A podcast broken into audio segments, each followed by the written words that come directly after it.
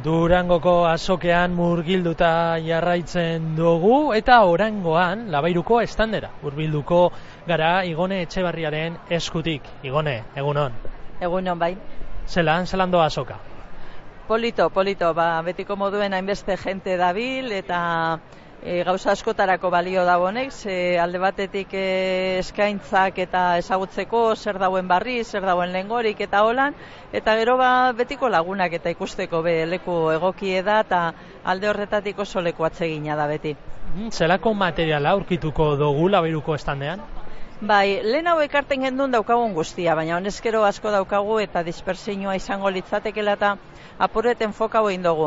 Batetik dekogu e, aurtengo publikazio barriak, hori bai badauz, eta horritan e, nabarmenduko dut liburu bat e, lehenengo ikastolak Bilbon hasi zirenean lehenengo movimentuek eta horrenganeko liburu bat, bideoagaz, gero bestetik dekogu gramatikako artikuluak ase artikulu bilduma bat, eta gero atara dugu be bai, e, e, bueno, lehenengoa ikastolena neuke egindakoa da, bigarrena Adolfo Arejita, gramatikakoa, eta gero jo mentxakatorrek egindako beste ikerketa bat Santiona India bekaren bitartez, e, mitologiari buruz, eta mitopoetika, eta bueno, horren ganekoa.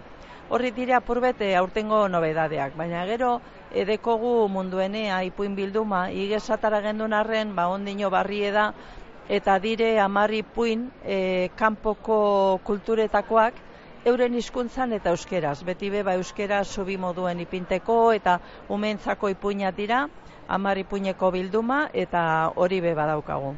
Liburu historikoa, bera, zeurea. Elburu historikoa segaitik? Liburu, liburu historikoa. Liburu, historikoak.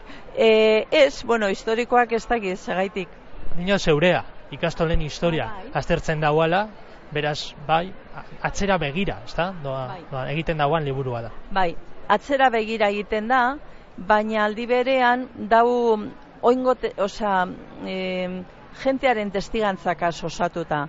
Orduen e, han nibilitako jentearen protagonismoa zeure protagonista direla eta eurek emondako informazioa da. Orduen ondino jente hori bizi da edo irakasle izandakoak edo guraso izandakoak edo ikasle izandakoak eta bai, hori da berro eta bueno, 60ko hamarkadako gora berak Bilbon ikastolak eta sortzekoa eta bai, apur bate historikoa da zentzu horretan eta nik uste dut ganera oso importantea dala orduko jentearen konpromisoa euskeriagaz ipintea irian, eh? Ze momentu oso gogorrak izan ziren, kartzelan egon ziren horregaitik eta bueno, ba, gaur emoten daudana inde dauela eta atakotzat eta erresa dala, baina ona heltzeko jente askok lan handi egin dau eta bere buru arriskuen ipinite sarriten eta jente horren ekarpena balioan ipintea importantea dala uste dut.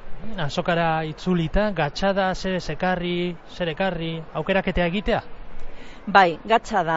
Guk ganera deko guz eraskotako materialak, ba, alde batetik e, euskeraren ingurukoak, didaktikoak, eta gero honik ipuinek eta umentzakoak, gero ondare, herri ondareari buruzkoak, ba, holan, ba, edo bendejeran ganean, edo itxasoko andren ganeko monografiak. Osa, dire, dispersa hoiten da, ez da?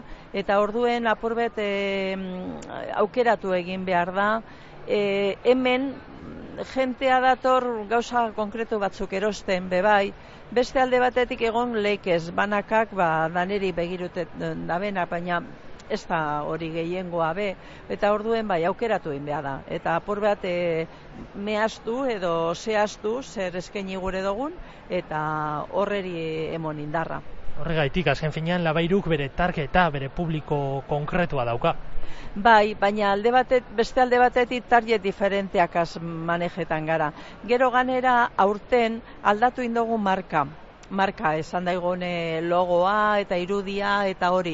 Eta orduen estanean atzean ipini dugu ba, horreri indarra emoteko zera, hori biniloa edo ba, ipini dugu horretara, ez da? Hori berakutzi guri zen dugu, eta bueno, gauza asko batzen dira eta hau eskaparat importantea danez, Euskal Gintzan inguruen, ba, gure dozu dana zertu, baina hori, apurba zehaztu inbea da, eta mugatu, zebestela dana gure dozunean, ba, bapesean geratzen da. Ondino astegoien osoa daukagu aurretik, beraz itxoin beharko dugu aurtengo salmentaren zifra osoa jakiteko, baina aurreko urteetako zifra kaintzat hartuta, zelan doa normalean labairurentzat durangoko azokea? Labairurentzat ez da mm, holan kaja iteko leku bat, hori holan da. Ge hau da erakusteko, eta guk horreri emoten dotzegu lentasune baina aldi berean beti saltzen da zeo zer, ez? Ez arriten liburu dendetara bezara heltzen edo heltzen zara batzutara beste batzutara ez. Orduen ba guk dirue ez dugu egiten. E, ez, ez da napagau behar da, beste gaztu batzuta, haus eta bar ez da, eta ez dugu, bueno, bardin du egiten dugu. Orduen e, helburu horregaz aurten be, eta bueno, horretara heltzen bagara, ba, konforme egon behar. Gero ez dut baina beste gauza bat, aurten nobedade moduen guretzat, Guk egiten dugu mm, ondareko lanak eta gehien aia honezkero bideoan.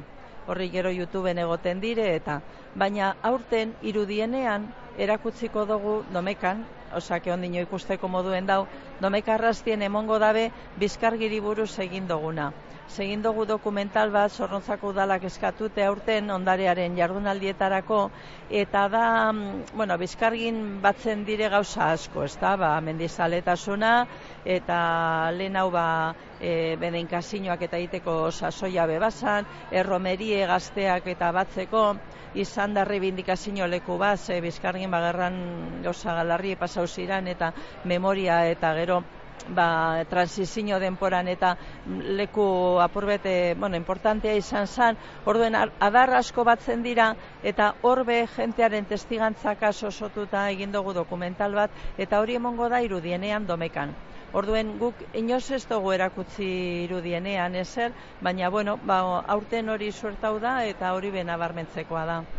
Osa guztietarako behar da lehenengo aldi bat beti, jakina, eta beti prest estrenet, estrenetako, eta ganera ez dau barriztu inbersana, ez dau besterik, betiko gauzakaz ezin da segidu betiko, osea, e, aldatu inbiozu, egokitu, eta de, ze demanda dauen, ba, handi jo, noberaren nortasune galdu barik, eta noberaren izakeraren franja horretan, tarte horretan, ez da, baina bai egokitu inbia da, eta, eta gu prest horretarako be.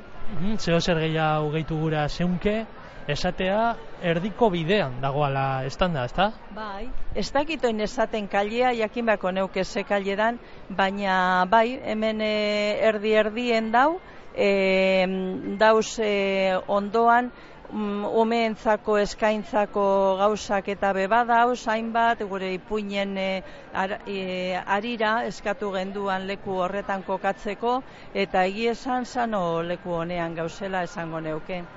Ba, igone, mila esker. Zeuri, eskerrik asko. Agur. Agur.